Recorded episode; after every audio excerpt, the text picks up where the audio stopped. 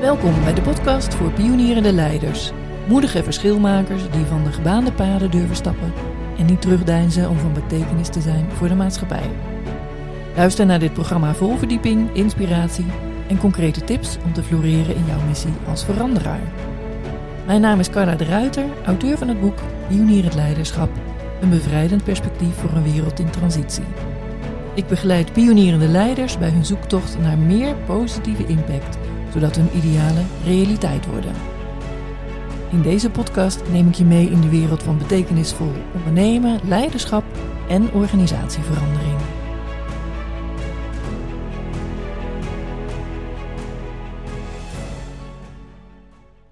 Vandaag in de studio hebben we Christian Kromme, futurist, spreker.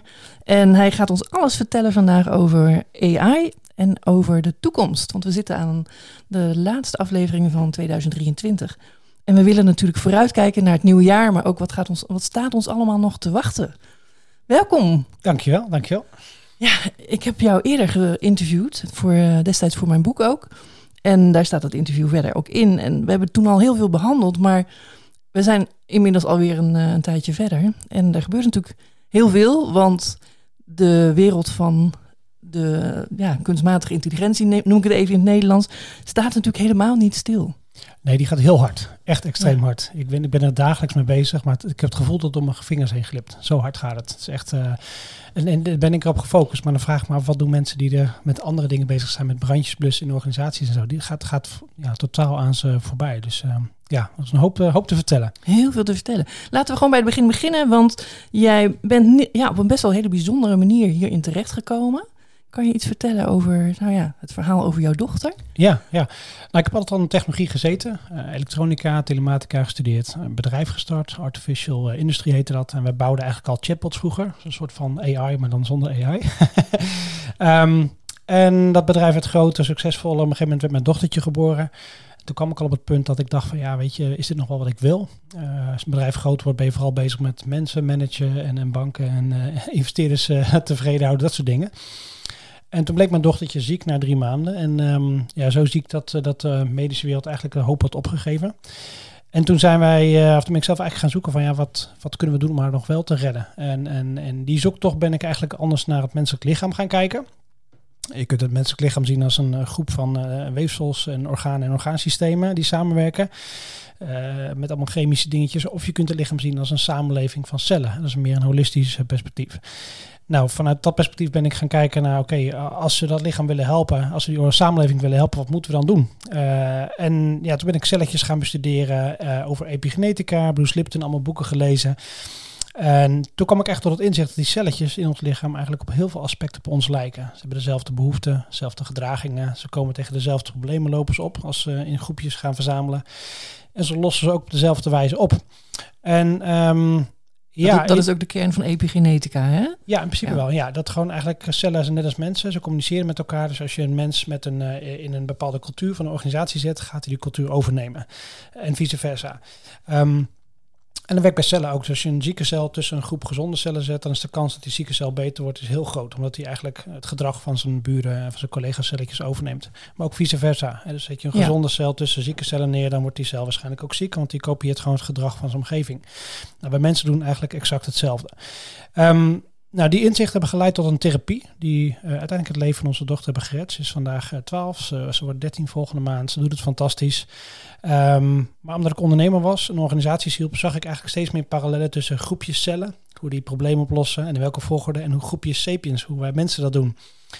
En toen ben ik eigenlijk uh, de parallellen gaan zien tussen biologie en technologie, tussen organismes en organisaties, en tussen sapiens en tussen cellen, zeg maar. Um, en heb ik een model van ontwikkeld en heb ik een boek over geschreven. En um, ja, dat boek werd een bestseller. En op een gegeven moment uh, ja, word je overal gevraagd om te spreken. En dat was ook op het moment dat ik mijn bedrijf verkocht had. Ik dacht van ja, wat, wat vinden we echt leuk?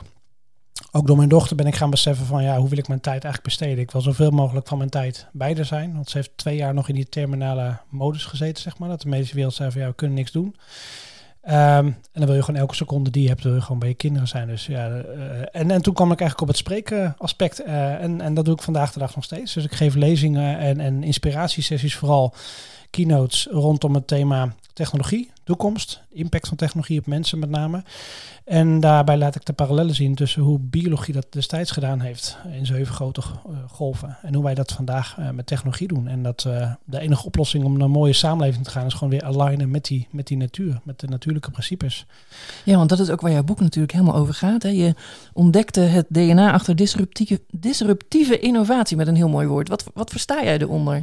Nou ja, je, je ziet, vooruitgang gaat niet geleidelijk. Uh, vooruitgang gaat met, uh, met horten en stoten, zeg maar. Als je naar onze samenleving kijkt, hebben we de agriculturele revolutie gehad. Dat was een heel groot, uh, ja, een schoksgewijze verandering van onze samenleving.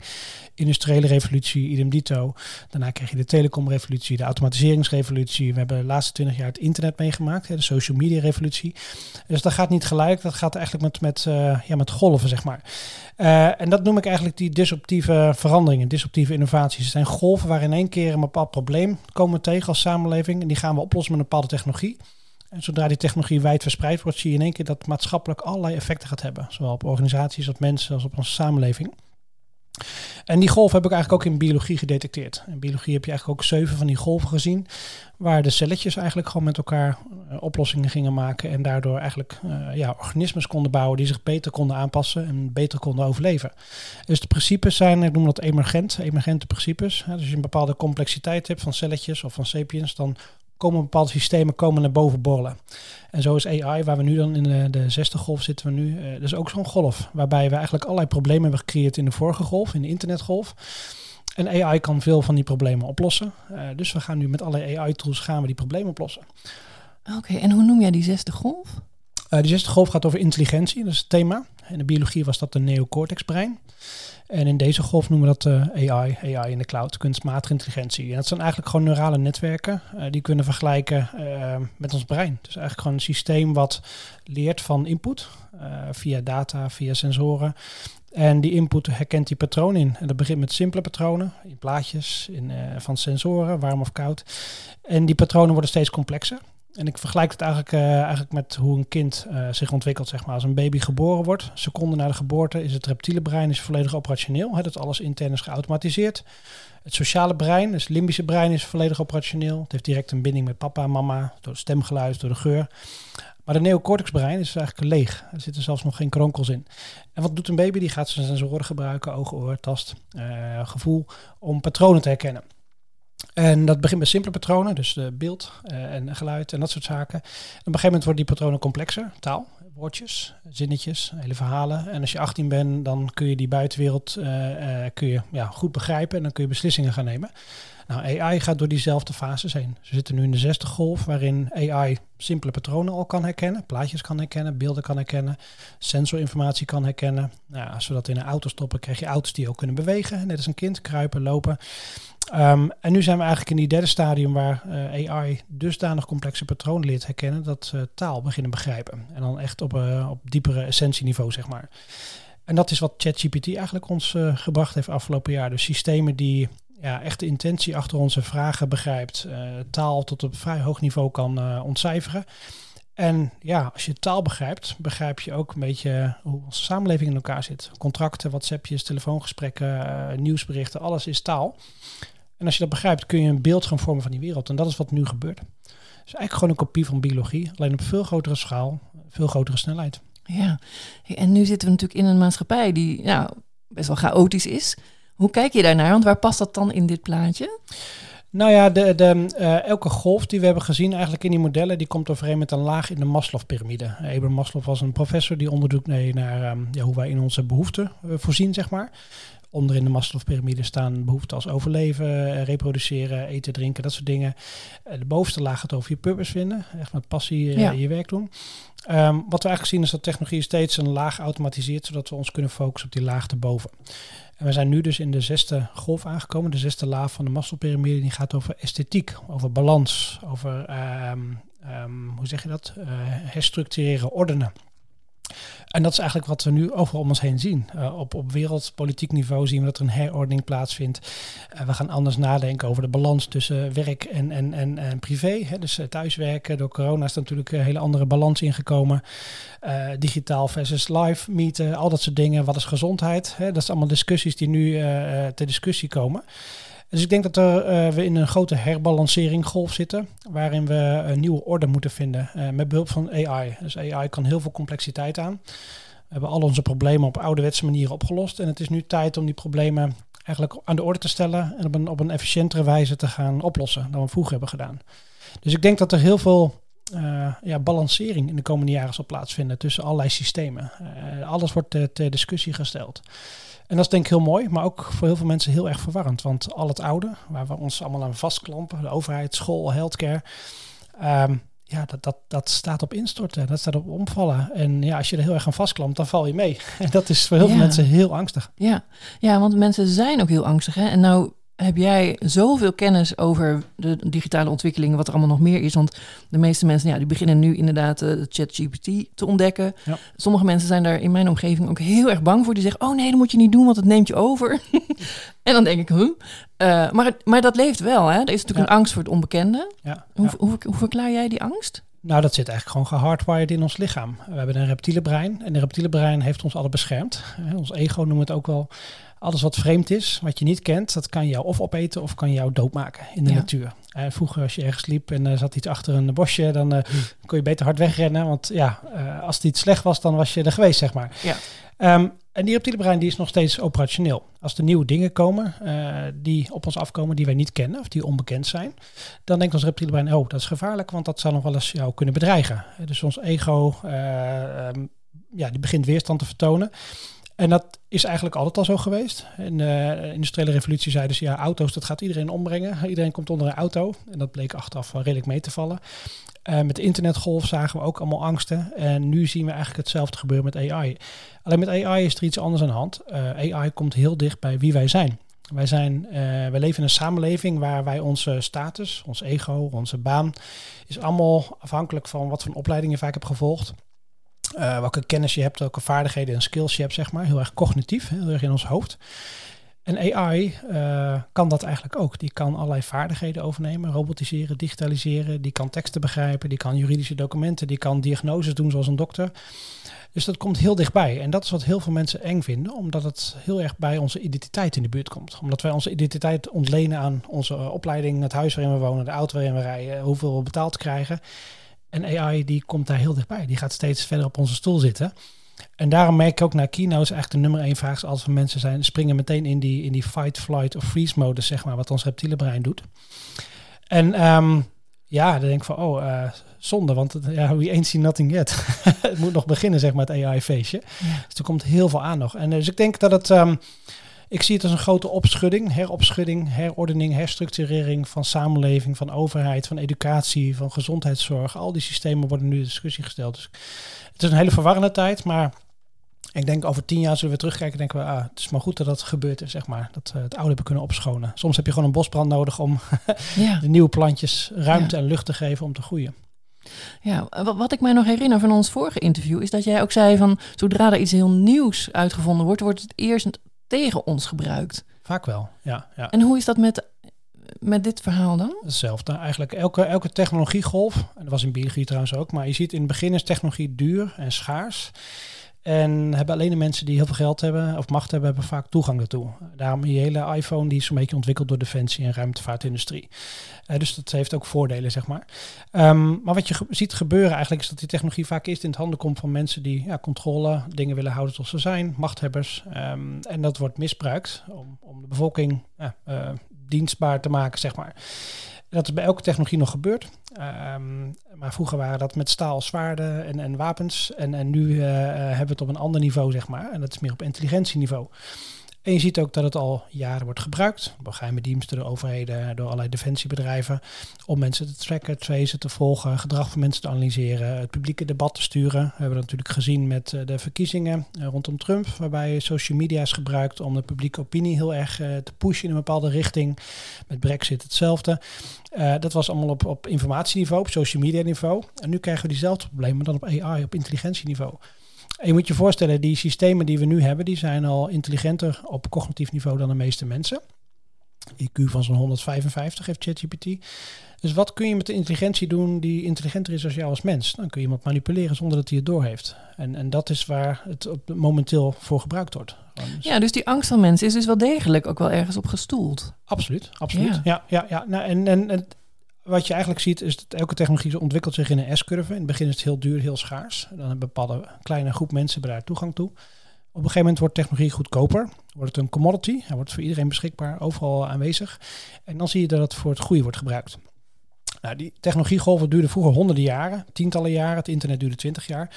Maar deze AI-golf duurt maar uh, zo'n beetje tien jaar, zeg maar. Maar die gaat twee keer zoveel impact hebben als het hele internet. Dat betekent ook dat het in het begin extreem voor het slechte wordt gebruikt en daarna extreem voor het goede. Dus dat dat dichter bij elkaar zit. En we zitten nu ongeveer, uh, denk ik, een jaartje of vier, vijf in de AI-golf. Dus we beginnen redelijk uh, richting halverwege te komen. Dus ik denk dat er ook een kantelpunt binnenkort komt. En dat zie je al gebeuren. Um, dat AI steeds meer voor goed gebruikt gaat worden. En daar denk ik ook dat die herbalancering van, uh, van de samenleving vandaan komt. We zien nu dat de algoritmes die nodig zijn om bijvoorbeeld een ChatGPT te maken, dat zijn maar 3000, 4000 regels code. Hè. Dat stelt niet zoveel okay. voor. Um, maar dat zijn de code die, die de intelligentie vertelt wat hij moet weten, zeg maar. Uh, en die zijn nu al open source. En heel veel open source communities, dus ontwikkelaars die dus niet verbonden zijn aan de Google of Facebook of een big tech, die kunnen nu al dezelfde resultaten bereiken als dat die grote techbedrijven doen. Dus we zien eigenlijk al dat de, genie, de geest is al uit de, uit de fles, zeg maar. Um, en ik denk dat het tegen zich gaat keren. Dus de mensen die het gebruikt, misbruikt hebben, die zullen straks keert uh, in hun face weer terugkrijgen, omdat we het voor goed gaan gebruiken. Ja, en ook omdat er waarschijnlijk veel meer daardoor zichtbaar wordt. Ja, transparantie is ja. uh, iets wat twee kanten op gaat. Uh, we zien precies wat overheden doen bijvoorbeeld, wat ze uitgeven, waar budgetten zijn die ze niet kenbaar maken in, in uh, zaken. We hebben natuurlijk met corona gezien hè, dat er 5 miljard ergens verdween. En dat komt omdat er heel veel mensen dus toegang hebben tot informatie, zelfrekenmodellen kunnen ontwikkelen waarbij ze dat soort dingen aan elkaar kunnen stellen. Dus het werkt twee kanten op. Je kunt er een volk mee dienstbaar maken en, en onderdrukken bijna, om het zo te zeggen. maar de bevolking kan het ook voor zichzelf gaan gebruiken om slimmer te worden, betere beslissingen te maken. En dat is denk ik wat er de komende jaren gaat gebeuren. Dus we zien ja, een, een, nu een extreme centralisering van, van partijen die macht tot zich toetrekken, zeg maar. Alles nog centraler willen maken. En technologie stelt ons eigenlijk in staat om het tegenovergestelde te doen. Kijk naar Bitcoin. We hebben geen banken meer nodig. En zo zijn er allerlei start-ups met technologieën die ja, ons in staat stellen dat we straks gewoon een dokter in onze broekzak hebben zitten op onze smartphone. Die, die intelligenter is dan 9 van de 10 artsen die rondlopen. Ja. En die ja, gratis voor iedereen beschikbaar is. Of je nou in de savannes in Afrika woont of, of, uh, of hier in het Westen, in het Rijke Westen. En zo, dat gaan we bij allerlei zaken zien. Dus een juridisch stuk schrijven naar de overheid omdat je ergens niet mee eens bent. Dat deed je vroeger niet, omdat het misschien een duur advocaat uh, 500, 600 euro kostte. Nu vraag je een, een, een, legal GPT om dat te schrijven. En je hebt een behoorlijk stevig document wat je kan sturen, zeg maar. Dus ja. we zien nu al bij klanten van mij waar ik spreek zeggen ze letterlijk van we hebben uh, onze klanten service desk mensen die uh, te woord staan, die krijgen hele potige e-mailtjes, juridisch perfect zeg maar. En uh, ja, daar moeten we iets mee als bedrijf. We zijn verplicht om daarop te acteren. Dus je ziet dat het al, dat het al terug een duw is. Wauw. Ja. Bijzondere ontwikkelingen. Er was natuurlijk ook altijd al gezegd, hè, AI gaat een punt bereiken dat ze intelligenter worden dan de mens. Nou hoorde ik laatst iemand die zei, we hebben dat punt al gehad. Terwijl ik dacht, volgens mij hebben we dat over een jaar of twee, drie. Ja, ze hebben, het over AGI, Artificial General Intelligence. Dat is een uh, intelligentie die eigenlijk de mens intelligentie voorbij streeft. Alleen daarmee moet je wel kijken, wat is intelligentie? En waar deze systemen het over hebben is vooral IQ. Dus uh, um, intellectuele intelligentie, dus cognitieve intelligentie, boek in je hoofd stoppen en die boekkennis ergens ter beschikking stellen. In, maar wij zijn als mensen natuurlijk veel meer dan alleen IQ. We hebben EQ, we hebben lichamelijke intelligentie, bewustzijn, eh, al dat soort intelligenties hebben wij. En dit is slechts een heel klein splintertje. Uh, dus ja, die systemen zijn nu al denk ik slimmer dan de meeste mensen op cognitief niveau. Deze week is Google Gemini gelanceerd en die, heeft, die is al 90% van de tijd slimmer dan de beste experts ter wereld op allerlei onderwerpen. En die is ook al multimodaal noemen ze dat. Dus daar kun je tegen praten, die kun je plaatjes laten zien, beelden laten zien, tekeningen maken. Dus daar kun je mee een conversatie hebben alsof je een conversatie hebt met een gewoon mens. En dat is nog maar het begin. En dus ik denk dat op dat vlak zijn we al de mens, um, zijn we al gewoon voorbij uh, ja. qua intelligentie. Maar het mooie daarvan is dat, dat, dat al die intelligentie voor iedereen ter beschikking komt. Dus als jij kan praten, kun je in één keer toegang hebben tot die, tot die giga-intelligentie en al die systemen en oplossingen. En dus als je ergens in, in weet ik veel, in de, buitenwijken woont, dan kun je gewoon het AI-systeem vragen, hey, we willen eten gaan verbouwen, wat is de beste manier om dat te doen? Uh, en hoe kunnen we een kast bouwen? En hoe kunnen we een robot bouwen om dat voor elkaar te krijgen? En al die kennis wordt zeg maar een soort commodity. Dus kennis zelf is niet meer iets waar je mee kan onderscheiden. In onze huidige economie is kennis natuurlijk altijd hetgene geweest waar we, ja, degene die veel wisten, die verdienden veel. En degene die niks wisten, die hadden niks. En die, dat gaat nu denk ik kantelen. Ik denk dat we een gigantische levelering zien, een, een nivellering zien eigenlijk tussen beroepen die wij altijd heel erg hoog hebben. Piloot, uh, jurist, uh, dokter. Versus de beroepen, mensen, verplegers die aan het bed staan, die uh, de hand vasthouden als iemand overlijdt. Dat soort dingen. Ik denk dat daar veel meer een balans in komt nu. Omdat die, ja, die cognitieve beroepen, dat kunnen we steeds meer door AI laten doen. Dus het komt veel meer neer op wie wij zijn als mens. Onze soft skills, onze emotionele intelligentie, dat soort dingen. Dat is denk ik een heel positief bijproduct. Ja, dat het echt gaat over waarin onderscheiden we ons. En waarschijnlijk ook meer over bezieling en over wie wij zijn als mens in een spirituele of Absoluut. andere context. Ja. ik denk dat het echt die vraagstukken rondom zingeving, purpose, gaat het aanjagen. Want wat als jouw, uh, jouw, jouw doktersvaardigheden of jouw juridische schrijfvaardigheden als jurist worden afgenomen door AI? Wie, wie ben je dan nog als mens? En die vragen gaan nu in heel hoog tempo, en dat zal per beroep verschillen, maar die, die komen wel naar voren. En daar zullen we als mensen antwoord op moeten geven. Je hebt natuurlijk gezien al dat door corona heel veel mensen zijn gaan afvragen van ja, wat is eigenlijk mijn purpose? Wat vind ik eigenlijk belangrijk in het leven? Ik zit nu alleen thuis hier, niet meer bij die grote overheid, bij die corporate. Het voelt eigenlijk wel goed. En ik ga eigenlijk gewoon lekker beginnen wat ik altijd al had willen doen, zeg maar. dus heel veel mensen hebben die stap al gemaakt. En ik denk dat het de komende jaren alleen maar meer gaat worden. Omdat we gaan zien dat die beroepen ja, geautomatiseerd gaan worden. Mensen komen daardoor thuis te zitten en denken van ja, wat vind ik eigenlijk echt leuk? Uh, en dat, dat, die vraag die wordt, die wordt gigantisch aangewakkerd nu. Ja, nog even één ding over, uh, over die angst die mensen hebben. Wat ik ook hoorde in een of andere documentaire laatst, vond ik heel interessant. Dat was een meneer die zei: op het moment dat je robots bouwt die uh, de mensen behulpzaam zijn, maak je eigenlijk slaven, hè, ook qua bewustzijn. En wat gebeurt er uiteindelijk met slaven? Die gaan uiteindelijk rebelleren. En dat vond ik een hele interessante. Zo van daar heb ik nog niet bij stilgestaan, maar hoe zie jij dat? Nou, ik denk natuurlijk dat we al in een samenleving leven waarin lijden niet meer bestaat. Bijna niet, of mag niet bestaan. Mensen mogen niet met de verkeerde pronouncers worden aangesproken. Als je ziek bent, krijg je een prikje, al dat soort dingen. Dus het wordt allemaal opgelost voor je.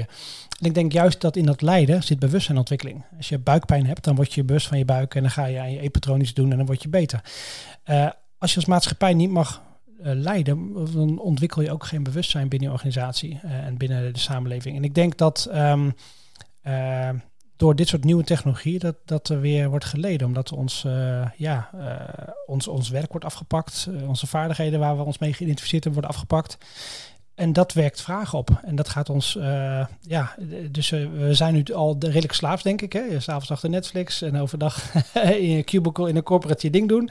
En vooral geen vragen stellen.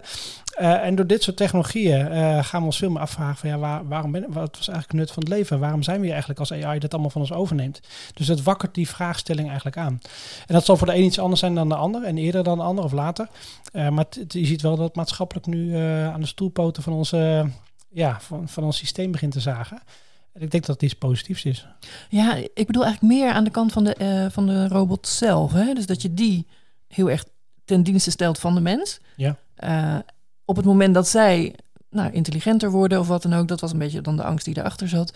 Uh, voed je dan niet je robots op als zijnde van straks worden het rebellen en nemen ze de boel over. Dat, want oh, de robots over. De robots, ja. Nee, daar ben ik niet bang voor. Robots zijn verder niks. Weet je, hey, net als de neocortex-brein in ons lichaam, dat zie ik als de AI van onze samenleving van celletjes, die wij ons lichaam noemen.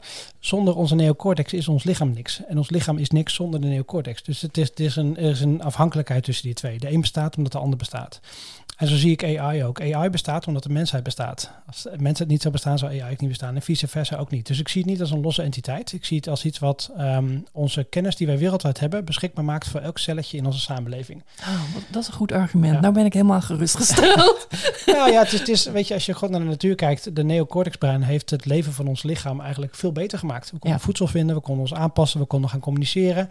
Al die dingen waren niet mogelijk geweest als we dat niet hadden dan waren we nog steeds de hele dag aan het jagen en uh, in, in de rimboe, zeg maar. Ja. Uh, dus, ik zie het als iets heel positiefs. Um, maar ook iets wat wel de, de schaduwkant van ons aan het licht brengt. En uh, ja, die moet gezien gaan worden. Daar moeten we mee aan de slag. Ja. Interessant is dat. ik heb het hele, als we het hebben over tijd, hè, we hebben heel veel mensen roepen dat, maar ik zelf ook, ik ervaar dat ook, dat we denken, het is alweer bijna een jaar voorbij. En jij hebt daar een theorie over, hè? Nou ja, ik denk dat uh, tijd uh, iets is wat, hoe zeg je dat? Um, niet een fixed iets is, zeg maar. Tijd is denk ik dat, dat um, hoe zeg je dat? Uh, um, ik denk dat tijd en ruimte ontstaat omdat wij bewustzijn ervaren, zeg maar. En omdat, het, omdat er veel meer gebeurt in het bewustzijn, dus dat we daar een andere perceptie van tijd ervaren. Waardoor uh, allerlei processen, dingen veel sneller uit te gaan. mijn zoontje zei het van de week nog, jemig, mijn leven gaat zo snel, zegt Het is alweer bijna kerst. Vroeger als kind duurde alles super lang, in mijn opinie. een ritje naar, weet ik veel, naar Rotterdam, dacht ik van, jemig, dat is een, een oneindigheid. En nu, dus ik denk dat we in een soort ja, spiraal zitten waarin we steeds meer versnellen eigenlijk. En, en waardoor de perceptie van tijd eigenlijk verandert. En ja, dat het sneller voelt, zeg maar. Maar dat het ook gewoon sneller gaat. De wereld gaat ook sneller. We zijn ook harder gaan lopen. Hè. Door het internet zijn we 10% sneller gaan lopen. Um, dus, dus ja, dit, dit, um, ik denk dat onze perceptie van tijd aan het veranderen is. Heel bijzonder, ja. Nou, het verklaart wel het een en ander inderdaad. 2027 is een omslagpunt? Ja, dat denk ik wel. Um, als je kijkt naar elke golf die er zo'n beetje is geweest, technologiegolf, zie je dat in het begin dus eigenlijk wordt uh, misbruikt. Uh, en het tweede deel wordt het gebruikt uh, niet door het ego, maar door het ecosysteem. Um, en ja, die zeven golven waar ik het over heb steeds, die correleren met de zeven lagen in de Maslow-pyramide. die onderkant van die Maslow-pyramide gaat over deficiency needs, tekortkomingsbehoeften, eten, drinken, echte basale dingen van het leven. De bovenkant van die Maslow-pyramide gaat over growth needs, dus persoonlijke ontwikkeling, zeg maar. Uh, als je passie vindt en de rest van je leven die passie tot uiting brengen in de samenleving. Uh, technologie heeft ons nu al die onderste lagen van die Maslow-pyramide op dusdanig niveau geautomatiseerd dat we naar die bovenkant zijn geduwd. Uh, naar die groeibehoeften, zeg maar. Alleen um, qua mindset zitten we nog helemaal in die onderkant, zeg maar. Onze organisaties zijn nog helemaal gebouwd op die onderkant. Het gaat over schaarste, over geld verdienen, ego. En dat is denk ik het probleem waar we, waar we nu mee zitten. Dus we zitten, we zitten over een soort tipping point heen met de mindset van de oude tijd nog, maar met de middelen van de nieuwe tijd, hè, qua technologie en mogelijkheden. En dat, dat conflicteert nu. Uh, dus we zitten in een soort twilight zone tussen, tussen de oude systeem, waar het om ja, eh, je, je, je te voorzien, versus een tijdperk waar al dat geautomatiseerd is en dat we ons kunnen focussen op wie we echt zijn en wat we zouden willen worden en wat we zouden kunnen. En dat is denk ik waar we nu in zitten. Een soort tipping point, een kantelpunt van het oude naar het nieuwe systeem, wat heel veel chaos geeft, wat heel veel um, herstructurering, herordening van allerlei systemen geeft. En dat is uh, ja, beangstigend. Dat is voor heel veel mensen uh, loslaten van het oude. Dat, is, ja, klinkt heel simpel, maar dat is best wel een dingetje. Ja, dat is zeker een dingetje. En als ik jou zo hoor, dan uh, ik heb al het idee als ik naar je luister dat mijn hoofd ontploft. Hè. Er is zoveel nieuwe informatie. En um, dat is, vind ik ook super interessant. Ik, ik las laatst dat er in Nederland, ik weet alleen de bron niet meer, dus als iemand die luistert het weet, uh, laat het me alsjeblieft weten. En die, uh, dat onderzoek heeft namelijk uitgewezen dat in Nederland 20% bezig is met persoonlijke ontwikkeling, waarvan 6, maar 6% echt bezig is met uh, dat het ook daadwerkelijk beklijft en dat het een verandering in hun leven heeft veroorzaakt. En daar schrok ik van, want ik dacht, maar hoezo maar 6%? Ja. of hoezo maar 20%, want dat vind ik ook niet veel. Hoe zie jij dat AI de boel in een versnelling brengt met, die pers met persoonlijke ontwikkeling. Want volgens mij gaat dat ook gebeuren. Ja, ja nou, ik was pas uh, spreken op een congres en daar sprak iemand uit België. Dat onderzoek gedaan dat maar 14% van de mensen in België echt met passie hun werk doet. Oh, wow. Dat betekent dus 86% doet dat niet. Die doet het gewoon omdat ze de hypotheek moeten betalen, zeg maar. Uh, dus die, die, die, ja, die zingeving is ver te zoeken. En, en AI, omdat die heel veel dingen kan automatiseren, uh, taken waar wij ons mee geïdentificeerd hadden voorheen, vaardigheden, ja, als die afgepakt worden, ontstaat er een leegte. Die leegte willen we graag vullen met iets. En dus ik denk dat zingeving eigenlijk een onvermijdelijk iets is wat, wat steeds meer naar boven gaat komen. En zingeving is denk ik onlosmakelijk verbonden aan persoonlijke ontwikkeling. Van, uh, als je iets mist in je leven, ja, wat, hoe zou je dat dan kunnen krijgen? En hoe zou je daarin kunnen werken? En dan, uh, dan, dan, dan, is denk ik het proces begonnen. Um, en dan ga je daarna verlangen van ik zou wel wat meer zingeving willen hebben. En wat betekent dat dan? Dan ga je cursus doen, ga je verdiepen, ga je boeken lezen. En zo uh, uh, kan AI ons ook helpen in de vorm van coachen.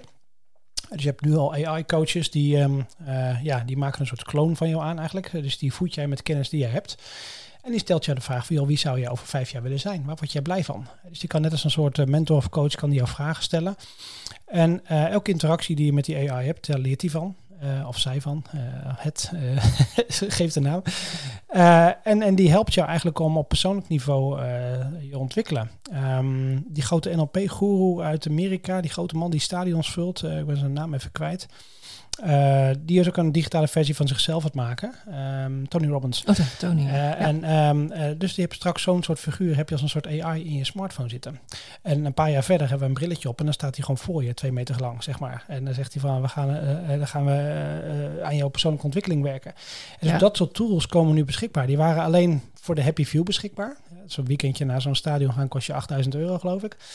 Maar als je dat straks voor 5 euro per maand in je smartphone hebt en je hebt iemand die jou kan coachen en kan helpen om te ontdekken wat jij leuk vindt, waar je passie zit en waar je blij van wordt, dan wordt dat uh, een commodity en, en gaat iedereen het gebruiken. Um, dus ik denk dat op dat vlak dat we AI als een soort hulpbron gaan zien, als een soort reflectietool, die ons gaat helpen om ja, te worden wie we zouden kunnen zijn. Uh, en dat is dus niet meer afhankelijk van dure coachinggesprekken en dat soort dingen. Maar dat kan iedereen gewoon als een soort tool op zijn uh, mobieltje gebruiken. Ja, nou ik zie ook wel nu, wij zijn natuurlijk allebei spreker en dat er straks een hologram van ons ergens staat. In plaats van dat we nog zelf hoeven te reizen. Ik ben ermee bezig. We zijn ja? ja een hologram van mij het maken. Die uh, straks bij uh, management meetings uh, komt die binnenlopen in zo'n holobox. En oh, die okay. beantwoordt allerlei vragen, zeg maar. Stukken, geeft suggesties, waardoor het team er aan de slag gaat. En dan kom ik weer inlopen. En dan ben ik met een partij doen en doen in Zwolle.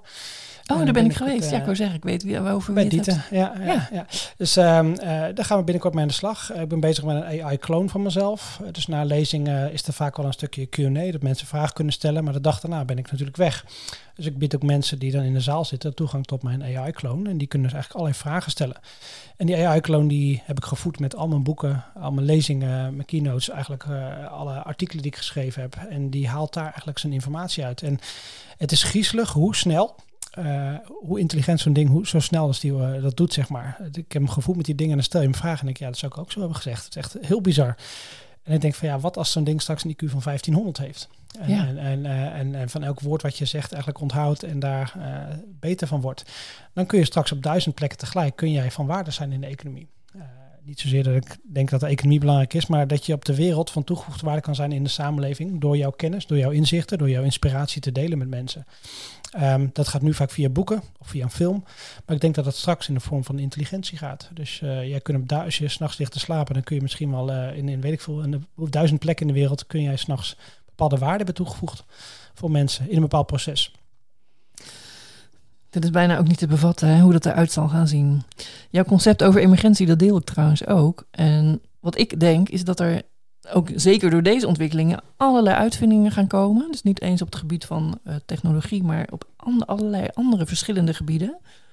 Waardoor we, waar we niet eens aan gedacht hebben. En een van die dingen, ik had ooit een, uh, een futurist, een andere futurist is dat, die helaas niet meer le leeft. Die kon 200 jaar in de tijd vooruit kijken door een bepaalde bijna doodervaring die hij heeft gehad. En nadat hij daarna nog zo'n 25 jaar geleefd.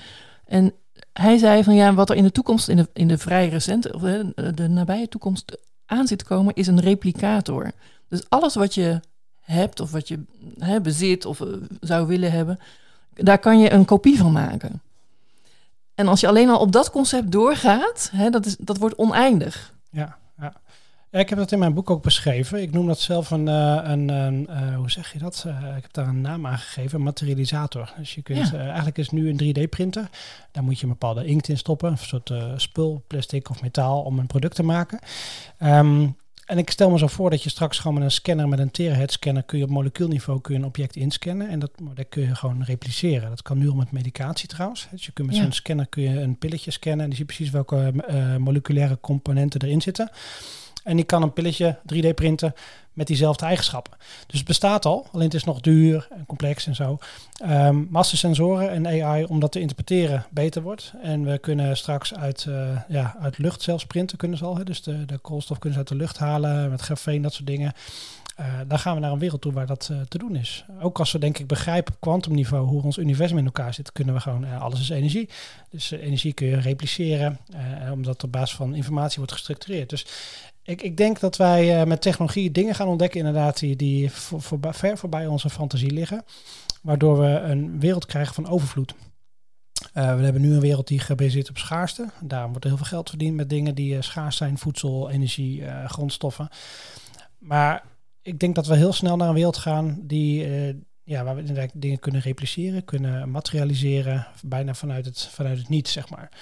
Uh, en als we daar zijn, dan, dan ja, is, is, gelden alle regeltjes niet meer van vroeger, die over schaarste gingen. Er, bestaan, er bestaan de bedrijfsmodellen niet meer die over schaarste gingen. En wat ook interessant is, als we straks een AI hebben met een IQ van 2000, wat zou dat ding kunnen designen? Uh, wat we nu nog niet kunnen bedenken. Uh, dus we krijgen, nu is onze innovatiemogelijkheid is ge, gekoppeld aan ons brein. Dus de slimste mensen bepalen ook de waarde van je organisatie vaak.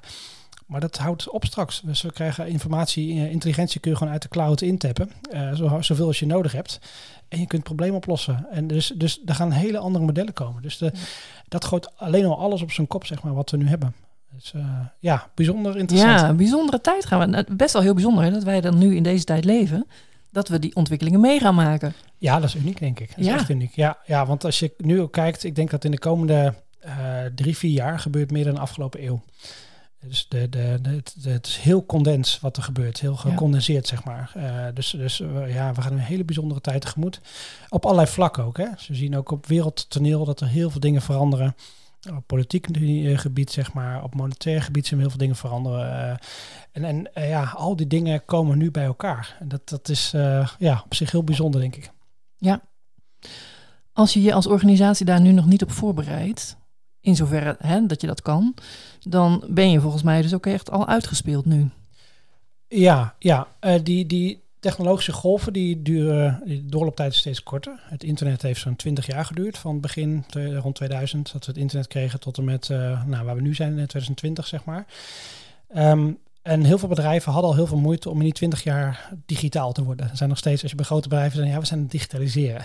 Oké, wat betekent het dan? Die AI-golf die duurt nog maar 9 à 10 jaar. En die gaat twee keer zoveel impact hebben. En uh, dus daar heb je die tijd niet meer om je aan te passen. En na die AI-golf komt nog de zevende golf. En die gaat over holografische technologie. We hebben straks gewoon een brilletje of een dingetje op. Dan staat iemand gewoon naast je terwijl die in Australië zit. En die spreekt alle talen van de wereld. En dus we gaan naar compleet andere samenwerkingsmodellen toe. Die, um, ja, als je, als je daar niet op aangepast bent nu al, dan ben je gewoon, ja, je, heb je de trein gewoon gemist. De AI-trein is al vertrokken en die gaat, dat is geen bommeltreintje, dat is een TGV, zeg maar. Dus als je daar niet op zit, dan heb je al een heel groot probleem, denk ik, als organisatie. En wat je ziet zelfs, dat organisaties tegenovergestelde doen. Veel grote organisaties zeggen, nee, we gaan niet met ChatGPT werken, dat mag niet. Het is allemaal, je zit de hak in het zand. Nou, ik denk dat het de doodsteek is van veel organisaties. Ja, ja, maar ik denk ook aan het onderwijs. Daar hadden we het in het voorgesprek even over. Ja. Dat uh, kinderen kunnen nu natuurlijk zelf alles opzoeken wat ze maar willen weten. En als ze een toets moeten maken, dan ja, waarom zou je al die cognitieve kennis erin gaan stampen als het ergens gewoon te vinden is met één klik binnen één minuut allemaal op je scherm verschijnt? Ja, ja. Nou, dat, dat, ik denk dat ChatGPT heeft in, in één jaar meer veranderd dan uh, in het hele onderwijs dan we de afgelopen 25 jaar in het onderwijs en innovatie hebben gezien. Puur omdat het eigenlijk laat zien dat het hele systeem wat wij nu gebruiken uh, gestoeld is op kennis in je uh, boek in je hoofd stoppen. En die kennis op een bepaald moment uh, naar boven halen, zeg maar. Ja. Daar zijn we helemaal niet voor gemaakt. En, en AI kan dat veel beter. En we hebben natuurlijk al door het internet gezien en Google dat de informatie wijdverspreid is. Maar AI maakt dat zo op maat en dan zo op basis van jouw wensen beschikbaar. Dat dat um, ja, onderwijs dwingt om heel anders te gaan nadenken. Um, weet je... De, rekenmachine wilden ze vroeger ook verbieden. Er zijn er nog foto's van gezien. en nu heb je scholen die ChatGPT verbieden. Maar ik denk dat dat niet de juiste insteek is. Je moet gewoon op een ander niveau gaan denken. Van in plaats van een essay schrijven, schrijf een heel boek. Ga naar welk voor karakters komen in het boek voor. En, en, uh, en want dat hoor ik vaak van mensen, worden we niet dom van AI? Nou, ik denk het niet. Want als je uh, een plaatje wil maken met AI of een tekst wil schrijven, moet je heel goed een prompt schrijven die uh, op hoger niveau, niet zozeer hoger academisch, maar meer op, op bewustzijnniveau, moet je heel goed weten, wat is het doel van wat ik ga doen hier eigenlijk? En wat wil ik eigenlijk bereiken? Hoe moet dat eruit zien? Hoe moet het voelen? En dat moet je allemaal van tevoren internaliseren. Moet je zelf al ja, visualiseren en dan moet je het in een prompt verpakken en dan geef je de AI een opdracht. En daarbij geldt ook dus garbage in is garbage uit. Dus als je rommel erin stopt, krijg je rommel eruit, zeg maar. Dus daar denk ik, daar moeten we veel meer op gaan enten bij, bij jongeren. Van um, ja, wat wil je eigenlijk bereiken? Wat zou je willen doen? En hoe kun je dan die AI gebruiken om dat voor elkaar te krijgen? En er zijn wel opleidingen die daar goed mee bezig zijn. Die zeggen, oké, jij gaat met een groepje studenten, ga jij een sterren, uh, Michelin-ster restaurant oprichten. Je moet een menukaart maken, klantengroep, uh, hoe het pand eruit ziet, wat, uh, waar, waar, koop je in. Al die dingen moeten ze doen. En je mag ChatGPT ervoor gebruiken. Dus je moet een heel businessmodel, alles moet je uitwerken met behulp van een superkracht zoals een AI. En, en, dat zijn denk ik veel meer de manieren hoe we moeten gaan denken. We moeten zoals ondernemers gaan opleiden. Van wat zou je willen doen? En hoe zou je dat dan willen bereiken? Nou, daar kun je die AI voor ja. gebruiken om de details in te vullen. Ja, dus nog meer ondernemers erbij. Ja, uiteindelijk ja. denk ik dat we naar allemaal een soort van micro-ondernemers gaan. Dus ik geloof heel erg in de zwermgedachte. Dus dat we organisaties zwermen zijn van individuen die met slimme algoritmes eigenlijk aan elkaar verbonden zijn. Dus um, het algoritme kijkt wie je bent met allerlei persoonlijkheidstests. Zet zes mensen om je heen die jou comple compleet maken. Dus jouw zwaktes zijn de krachten van die mensen om je heen en vice versa. Maar dat systeem doet het ook voor alle mensen om jou heen. Ja. Dus iedereen in zo'n zwerm zit eigenlijk in het centrum van zijn eigen ecosysteempje en kan daardoor doen waarvoor die hier is. Echt zijn passie uitvoeren, zeg maar. En dat is volgens mij waar we heen gaan. Maar dan is wel een organisatie waarin iedereen een stukje verantwoordelijkheid draagt en een stukje ownership heeft. Uh, en dat betekent dus dat je eigenlijk allemaal een soort van micro-entrepreneur bent, een ondernemer bent die onderdeel is van een groter collectief. Dus je hebt wel bepaalde zelfstandigheid, uh, maar je bent wel uh, qua purpose verbonden aan mensen om je heen, zeg maar. Uh, dus ik denk dat, dat daar, en dat, dat streven heel veel bedrijven ook naar, ook nu. Want mensen moeten meer ondernemerschap gaan tonen binnen organisaties. Niet simpel commando's opvolgen, maar hey, ik zie een probleem, ik ga een clubje mensen organiseren om het probleem op te lossen. Um, en de stap die daarna komt is natuurlijk veel meer vanuit een purpose-achtige, een, een, hoe zeg je dat, een blissful-achtige drive, zeg maar, dingen doen. Niet omdat je problemen ziet, maar omdat je gewoon vanuit je passie het leuk vindt, zeg maar. Dus dat is ook een challenge waar heel veel bedrijven mee zitten. Die hebben natuurlijk medewerkers gekweekt, die niet zelf nadenken en gewoon doen wat ze gevraagd wordt. En die mensen moeten nu in één keer zelf gaan nadenken. Je moet ondernemerschap gaan vertonen. En dat dwingt AI denk ik ook af. Uh, je moet op hoger niveau gaan nadenken over de dingen die je doet. Um, ik hoorde van de week daar nog een voorbeeld over. Bij bedrijven zijn allerlei processen in SAP-systemen en CRM-systemen zijn helemaal uh, vooraf gedefinieerd. Het kan allemaal zo en als er geen vakje is, kan het niet. Uh, AI stelt het allemaal de discussie, want het systeem is helemaal vloeibaar. Je kan zeggen, ik wil dit als uitkomst hebben. En hoe AI dat doet, dat maakt helemaal niet meer uit. Dus uh, al die bestaande systemen worden daardoor ook ter discussie gesteld. We hebben het altijd zo gedaan, maar dat hoeft nu niet meer zo. Ja, want dat is wat heel vaak uh, wat ik terughoor. Hè? Als ik praat met mensen die, uh, directeuren van organisaties, die zeggen van ja, maar wij moeten ons houden aan wetgeving. Ja. Wij moeten ons houden aan protocollen, aan kwaliteitssystemen, noem maar op. Hè? We kunnen niet zomaar die stappen zetten die we heel graag zouden willen. En jij zegt eigenlijk hetzelfde. Van ja, nu worden we zo uitgedaagd om het sowieso over boord te gaan gooien, want anders komen we ook niet verder. Nee, nee, het heeft, ons hier gebracht, al die protocollen en ja. die systemen, zeg maar. En dit is een overheid, ik ben niet tegen de overheid of zo. Een overheid heeft ons gewoon gebracht waar we nu zijn. Alleen het gaat ons niet naar het volgende level brengen. Ja. En, uh, dan gaan we naar andere systemen toe. Zo denk ik ook over hiërarchische systemen binnen organisaties. Die hebben ons hier gebracht, die hebben ons efficiëntie gebracht om dingen wereldwijd beschikbaar te maken. Alleen voor de next level moeten we echt naar andere structuren toe. En die zijn niet hiërarchisch, die zijn zelf organiserend, die zijn autonoom. Uh, die zijn zoals de natuur dat doet, zeg maar. En dat is uh, nu mogelijk omdat we AI hebben. AI kan heel veel complexiteit managen. Want dat is een hele, zo'n zwerm vogels ook. Dat lijkt heel simpel, maar dat zijn hele complexe systemen, zeg maar. Er zitten heel veel regeltjes in. Uh, maar het lijkt alsof het een chaos is. En ik vergelijk het altijd met voetbal. Uh, voetbal heeft een hele duidelijke set van regels. een veld en een goal en dat soort dingen. Maar binnen dat veld en binnen die regels kun je eigenlijk alles doen wat je wil. Hetzelfde geldt voor een orkest. Je hebt de muziek, je hebt de maat van de muziek en bepaalde regels rondom elk instrument. Uh, maar binnen dat hele spectrum kun je elke symfonie maken die je kunt bedenken. Dus ja, en, en AI gaat dat mogelijk maken. Die gaat organisaties mogelijk maken waarin we ons vloeibaar uh, uh, kunnen organiseren met elkaar. En waar iedereen zijn eigen autonomie en eigen uniciteit ook heeft, zeg maar. Dus wie je echt bent, dat kun je meebrengen. Wat een mooie gedachte. Ja, ik, ik zie dan voor me dat. Ik denk, ik denk dan altijd nog, maar dat is, besef ik me nu, heel erg lineair gedacht. Als je uh, mensen ziet van uh, de babyboomer generatie bijvoorbeeld, die.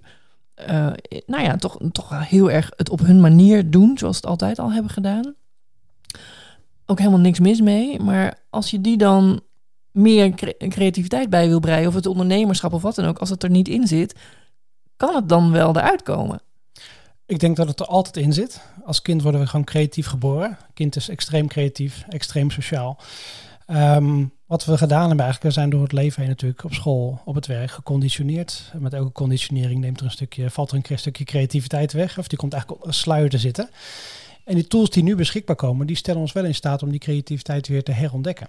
Om muziek te maken, om film te maken, om, om dingen te schrijven. Iedereen kan nu een kinderboek schrijven. Je hoort heel vaak, ja, ik altijd zou ik een kinderboek willen schrijven. Nou, dat kan gewoon. Je kunt illustraties maken, je kunt teksten schrijven nu.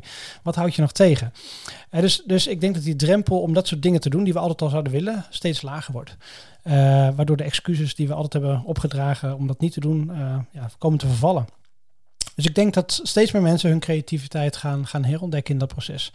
En dan kom je ook weer dicht bij wie je echt bent, bij je passie, bij je, bij je innerlijke kind noemen ze dat dan vaak. Um, uh, maar dat, dat is wat AI, denk ik, um, uh, gaat afdwingen. Of je het nou leuk vindt of niet. Ja, mooie tijd, mooie veranderingen. Zijn er uh, softwareprogramma's of dingen die, waarvan jij zegt, nou, dat is nu echt de toekomst en dat is voor iedereen toegankelijk naast wat we natuurlijk nu al kennen? Ja, er zijn zoveel systemen. Er zijn geloof ik afgelopen jaar al zo'n kleine 50.000 AI-startups. Oh, echt Echt startups met enkele miljoenen investeringen. Echt serieuze partijen. Um, ja, ChatGPT is natuurlijk iets wat heel veel mensen kennen. Er zijn uh, Gemini van Google, gewoon gratis. Uh, Microsoft heeft een Copilot. Um, je hebt allerlei plaatjesgenerators, Midjourney, um, DAL-E. Uh, dus je kunt een prompt tikken en dan krijg je je nieuwe interieurdesign binnen drie seconden. Um, je hebt um, Runway ML, dan kun je zelf filmpjes maken. Dus je beschrijft gewoon wat je wil zien. Een pinguïn in de, in de jungle en dan loopt er een pinguïn door de jungle.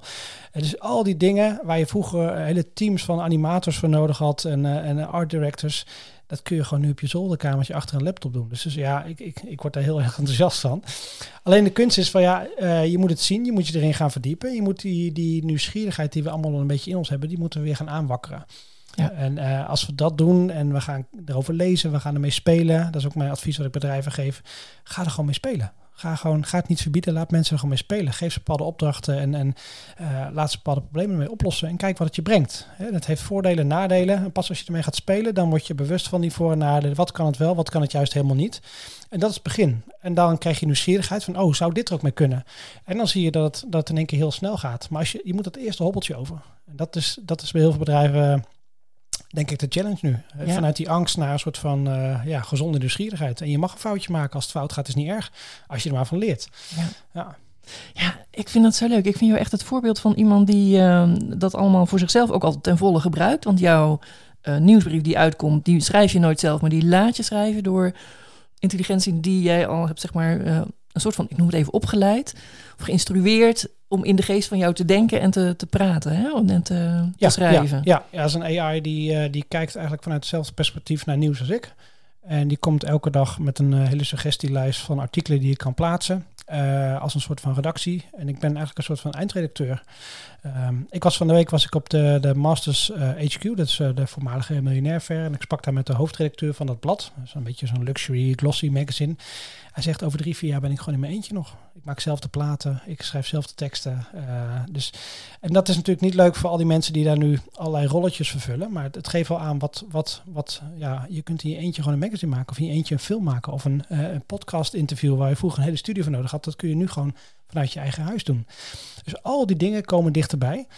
Uh, worden makkelijker. Een app programmeren. Je kunt gewoon zeggen van nou, ik wil een app maken die over recepten gaat voor weet ik veel biologisch organisch voedsel. Nou, het systeem programmeert gewoon de app voor jou. Dus je hoeft geen programmeer meer in te huren. Je kan gewoon, maar je moet het weten dat het er is. Ja, precies. Want heb je daar handigheidjes voor dat mensen, als het, bedoel, lukt je dat om met Google even in te typen van ik wil ongeveer zoiets hebben en dan vind je het? Um, het aanbod groeit zo explosief snel uh, dat het handig is om bepaalde nieuwsbrieven uit te zoeken die in een bepaald genre zitten, wat je leuk vindt. Dus als jij in de artistieke hoek bezig bent of in de muziekhoek, dan heb je allerlei nieuwsbrieven rondom AI die specifiek over muziek maken met AI gaan.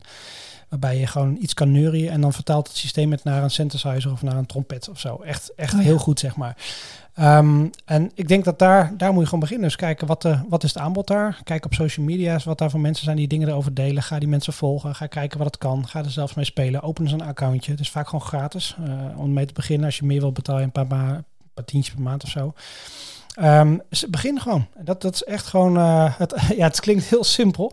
Maar heel veel mensen blijven het voor zich uitschuiven. Oh, het is eng. Oh, het, is, uh, het gaat maar kopiëren. Of uh, nee, het is gewoon super gaaf, super leuk. het heeft heel veel nadelen, ook heel veel voordelen. En daar kom je alleen achter als je ermee gaat spelen. Dus ga het gewoon doen. Ga gewoon just do ja. it. Leuk hoor. Nou, we gaan eens eventjes kijken naar jouw eigen pionierstest die je hebt ingevuld. Ja. De pionierstest. Hoe scoor jij de 21 kenmerken van een pionierend leider? Ontdek jouw leidende rol in een wereld in transitie. Zoals elke gast eh, die ik hier heb, gaan we daar naar de uitslagen kijken. En uiteraard ja, nodig ik natuurlijk allemaal pioniers uit. Dus je kan altijd al zeggen van als iemand de uit, als ik de uitslag zie, nou alles zit al op voldoende vaardig. En dus, dus, maar er zitten wel pieken in, wat heel erg goed gaat. En een van die pieken is dat je staat voor je eigen ideeën en waarden. Ja, dat klopt. Ik heb natuurlijk een model waar ik over praat wat uh, totaal afwijkt van wat we op school hebben geleerd en wat er in de wetenschappelijke boeken staat. Al onderbouwt de wetenschap het perfect. Is alles is wetenschappelijk onderbouwd. Alleen het is een wereldbeeld wat 100% afwijkt van uh, wat ons bijgebracht is, hoe wij denken over de wereld, zeg maar. Maar die wel helemaal aansluit bij alle oude religies, oude, oude culturen, zeg maar. Dat zit er allemaal in verweven. Um, en ik sta heel erg ervoor, want ik, ik, voor mij is er één waarheid en dat is gewoon de natuur. En dat kunnen we gewoon zien. Hoe heeft de natuur het opgelost? Hoe doet hij dat? En dat is gewoon de waarheid. Zo, zo, zo werkt het universum. En al het andere is een afgeleide daarvan. Dus ik, ik ben heel halstarrig eigenlijk in het uh, uh, vasthouden aan, aan die visie. Omdat ik gewoon denk, ja, de natuur is gewoon de enige waarheid die we hebben. De, we zien het op atoomniveau, molecuulniveau, op celniveau, op organismeniveau. Het, die patronen herhalen zich. En het enige wat wij voor doen is die patronen herkennen, zien en het zelf gaan toepassen. En dan gaan we extreem versnellen, zeg maar. En dat is nu ook wat AI mogelijk maakt. Um, dus ja, ik, ik, ben, ik, ben, ik sta er heel erg voor. En dat is ook hetgene waarom ik uh, vandaag zo druk ben, denk ik, met lezingen. Omdat ik gewoon dat al tien jaar lang uitdraag. Het is hetzelfde verhaal in wezen. Elke keer in een andere vorm, een andere plaatje en zo. Maar de essentie blijft hetzelfde. En ik merk dat nu pas mensen, met name door AI, dat ze echt het gaan zien en het uh, echt op waarde gaan schatten die het heeft. Dat, ja, en gelukkig gaat dat dan steeds meer, hè? Absoluut, absoluut. Ja. ja. Maar zie jij mensen als uh, soms, hè, als ze nog niet mee uh, kunnen, als een soort van Neandertalers? Want dat Nee, is natuurlijk nee, het is nee, een groot verschil, hè? Het is tussen een groot verschil. Wat jij vertelt. Weet je, iedereen is waar die, eh, waar die moet zijn. Ehm, dus ik probeer iedereen met respect te bekijken daaromheen. En weet je, eh, het is mijn beroep om hiermee bezig te zijn. En andere mensen totaal niet. Die zijn eh, op een heel ander vlak bezig. En ehm, ik heb vooral heel veel respect voor mensen die, die vanuit die modus van ik weet er niks van, toch zich daarin gaan verdiepen. Want bij heel veel bedrijven zijn eh, de banen zijn gewoon, ja, je bent gewoon de hele week druk met brandjes blussen. En er is helemaal geen tijd om te denken over morgen. Laat staan over overmorgen of over drie jaar. En de organisaties en de mensen die het wel voor elkaar krijgen. En zeggen van nou, wij gaan daar tijd voor vrijmaken. En we gaan echt eh, actie ondernemen. Daar heb ik heel veel respect voor. Dat ze dat eh, uit die vandaag, hier en nu modus stappen om dat te omarmen. Ja, want dat vraagt ook heel veel moed, hè? Dus dat is echt, dat ben ik helemaal met je eens. Ja, het gaat echt tegen alle principes in. Hè? Je Ja. hebt het innovatorsdilemma. Als je gewoon vandaag heel hard werkt en je probleem oplost, heb je volgend jaar meer winst. Dat is wat aandeelhouders willen. Maar als je nu gaat innoveren, ja, dan heb je over drie jaar misschien pas winst of niet. Ja. Eh, dus, dus dat is iets dat is onzeker. Dus we kiezen altijd voor het zekere, korte termijn. En dat houdt ons eigenlijk in de modus waarin we nu zitten. En dat is eigenlijk de modus die we niet meer willen of niet meer werkt. En, Ja. en dat is heel lang goed gegaan, maar nu door AI gaan de veranderingen in zo'n kort tijdsbestek zo heftig zijn dat we dat gewoon niet meer kunnen volhouden. Ja. Een andere, veranderingsgezindheid en ontwikkelingsgerichtheid. Ja, dat is bijna een, eh, die gaat ook heel goed. Dat is bijna een soort van open deur in jouw geval. Ja, ja, de wereld waarin we leven kan gewoon niet meer nu. Als ik, zit met kromme tenen te kijken hoe we dat allemaal nog doen. Ik denk van ja, dat kan veel efficiënter, dat kan veel mooier. Ja. niet efficiënter in een manier van meer geld verdienen, maar efficiënter zoals de natuur dat doet. En wij zijn zo ver afgeweken van de natuur. Dat ik denk van ja jongens, de verandering zou de enige standaard moeten zijn. Het enige waar we naar moeten streven. De natuur verandert continu. Die is nooit constant. Een boom is nooit hetzelfde. Een rivier is nooit hetzelfde. Hoe, hoe blijf je geduldig? Nou ja, dat is, dat is mijn. eh, dat is denk ik mijn eh, les die ik in mijn leven te, te leren heb. Ehm, ik was heel ongeduldig vroeger en ik, eh, ik heb een jaar op Bonaire gezeten voor me uitgekeken op het strand. En daar ben ik een stuk geduldiger geworden. Het heeft echt totaal veranderd. En ik ben eh, continu bezig om te vertragen.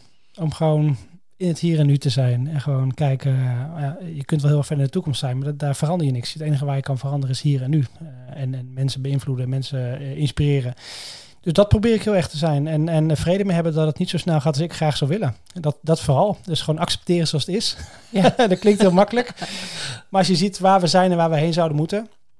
Of waar we zouden kunnen zijn, zeg maar. Als we met de natuur zouden alignen. Dat gat is zo groot. En er moet zoveel gebeuren om daar te komen. Dat ik vaak wel een soort van... Ja, hoe zeg je dat? Een soort van ehm, ongeduld in me heb. Van jongens, kom op man. Ja. Eh, Dat, dat voel ik ook zeker. En dat vind ik het hele leuke. Want wat dat betreft, eh, zitten we hier als een soort van, uh, yeah! dat, dat, het, dat het heel inspirerend is wat je vertelt. En ook dat je ja, toch een glimp krijgt van hoe het ook anders kan. Ja, als je noemt van, ja, die wereld gaat vol overvloed zijn. Ik, ik denk dan, nou, dan hebben we een, een, wereld waar ook de angst weg zal vallen. Ja, in ons lichaam. De cellen, elke cel heeft een over, leeft in overvloed. Als die eten wil, krijgt die eten. Als die energie wil, krijgt die energie. En, en uh, elk celletje heeft het even goed, zeg maar. Um, en dat na samenleving gaan we ook die hetzelfde heeft. Ook als je met een speld in je vinger prikt, dan stopt je hele lichaam met doen wat hij deed. En die gaat eerst die pijn oplossen en dan pas gaat die hele samenleving van cellen verder. Naar zo'n samenleving gaan wij ook. En door straks door VR en AR kun je letterlijk door de ogen kijken van iemand die in Palestina zit, zeg maar. En voel jij uh, wat die persoon voelt, zeg maar. Omdat je gewoon door die ogen heen kijkt. Dus dat zijn machines die empathie creëren. En dat gaat ons helpen straks om uh, het pijn wat er nog is in de wereld, wat, wat er zeker extreem is, om dat uit te vergroten en om iedereen te laten voelen. Um, ze hebben daar testen mee gedaan. Ze hebben mensen, uh, politici, een VR-headset opgezet en die hebben ze gewoon eens laten zien hoe een kind daar leeft, zeg maar. En die kwamen met tranen in de ogen eruit. Mm. En dat soort impact, als je dat kan maken, dan ga je gedrag veranderen. En dat is ook mijn grote droom. Ik wil ooit een, of ooit, liefst zo snel mogelijk, maar goed, Geduld. Geduld. Uh, een, een soort multimediale uh, immersive uh, experience creëren, zodat mensen kunnen voelen hoe die toekomst is. Omdat we nu, het gaat voorbij aan ons huidige voorstellingsvermogen. En dingen die we ons niet kunnen visualiseren, kunnen we ook niet manifesteren. Dus we kunnen het ook niet gaan maken. Uh, dus ja, mijn doel is eigenlijk om een soort, ja, soort beleving te maken. En ik denk dat VR, dus, uh, dus als je daar helemaal in zit, helemaal ondergedompeld qua beeld en geluid, kun je dus een soort beleving creëren waar mensen dus die unity, dus die eenheid ervaren en het gevoel van geluk ervaren en, en ja, hoe die toekomst eruit ziet, zeg maar. En ik denk als je dat kan creëren, dat je een soort van ankerpunt in de toekomst creëert waar mensen naar gaan verlangen en dus gaan creëren. er is in de wetenschap een term voor, dat noemen ze de overview effect ook. als astronauten in de ruimte zitten en ze kijken uit het patrijspoortje terug naar de aarde, dan hebben ze in een, in een, in een instant moment hebben ze een hele diepe transformatieve ervaring, zeg maar. Omdat ze in één keer de grootheid en de complexiteit van alles zien. En dat kun je niet meer undoen. Je kunt niet meer terug. Dus als je dat eenmaal dat moment hebt gecreëerd of is, is gebeurd, zeg maar, dan ga je daar weer naar terug verlangen. En dat zou ik heel graag willen creëren in de vorm van film, een soort VR-experience.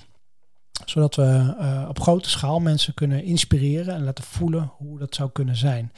En vervolgens is het aan ieder om zijn eigen pad daar naartoe. Want ieder speelt daar een rolletje in. En dus dat elke cel ons lichaam een rolletje speelt om dat, die rol te vinden. Hè, dus align met wie je bent. Je purpose, je passie ontdekken, persoonlijke ontwikkeling trajecten.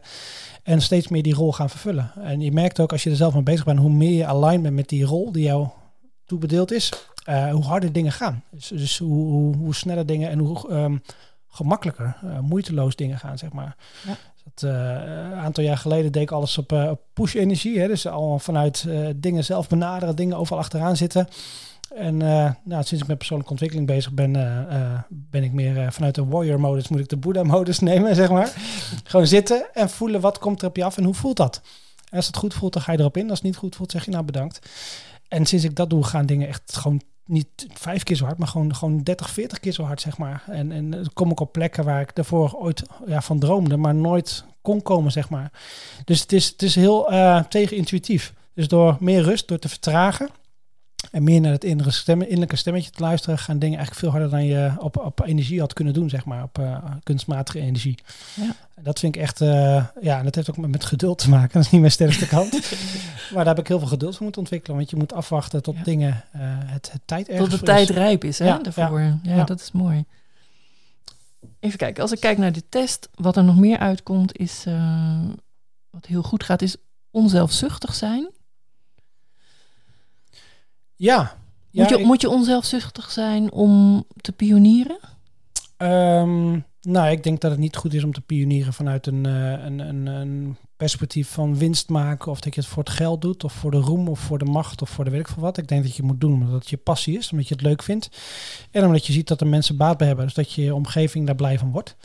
Um, en, en ja, zo doe ik het eigenlijk ook. Ik probeer zoveel mogelijk te doen. Uh, niet, het gaat niet om mij. Het is, ik maak alleen een model zichtbaar wat de natuur al heeft, al lang heeft uitgevonden. Het is niet mijn kennis, het is niet mijn inzicht. Het is gewoon een vertaling van wat de natuur al heeft gedaan. Ja. Dus ik probeer daar uh, ja, mezelf, uh, nederig is misschien niet het goede woord, maar gewoon ja, niet, zelfs, niet zelfzuchtig in te opereren, zeg maar.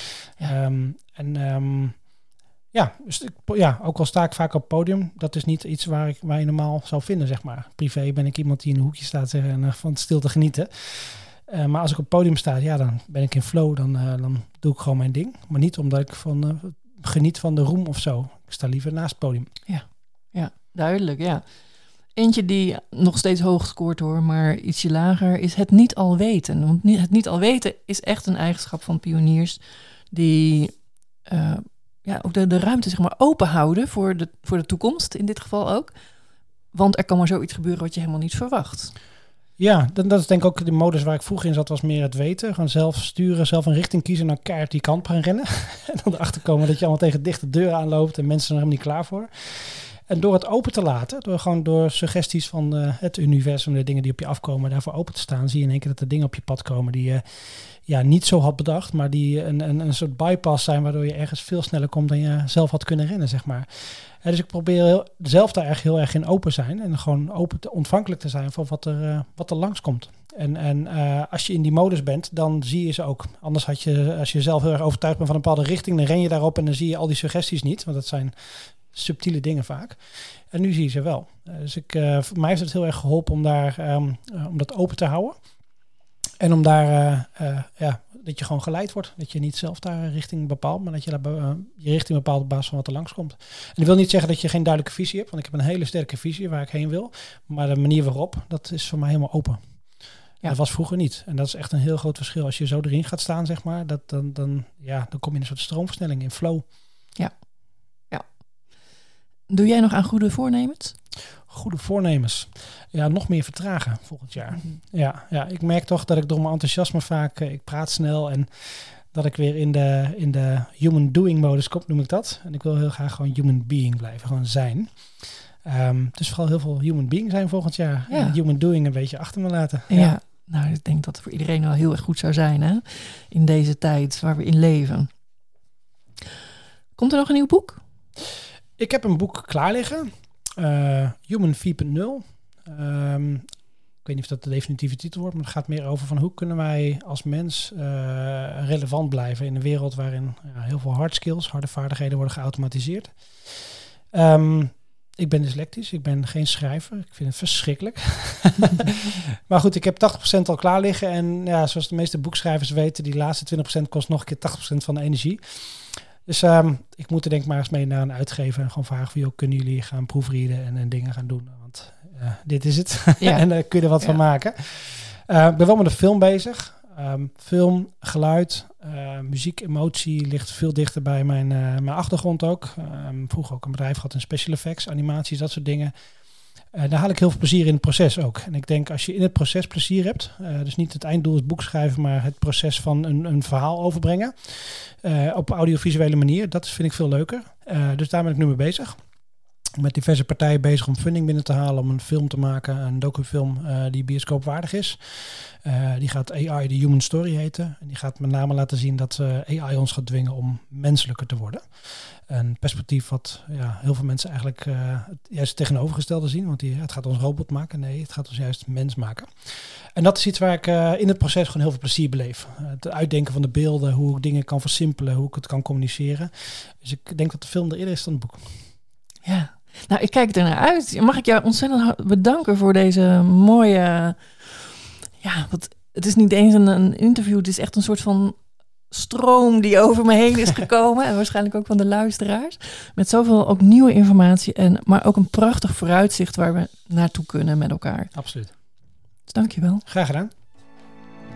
Dankjewel voor het luisteren. Wil je op de hoogte blijven en er geen aflevering missen?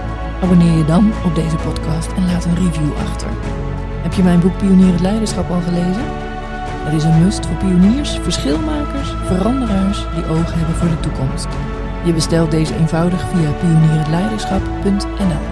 Op deze website vind je allerlei mogelijkheden om met Pionier het Leiderschap aan de slag te gaan. Tot een volgende keer.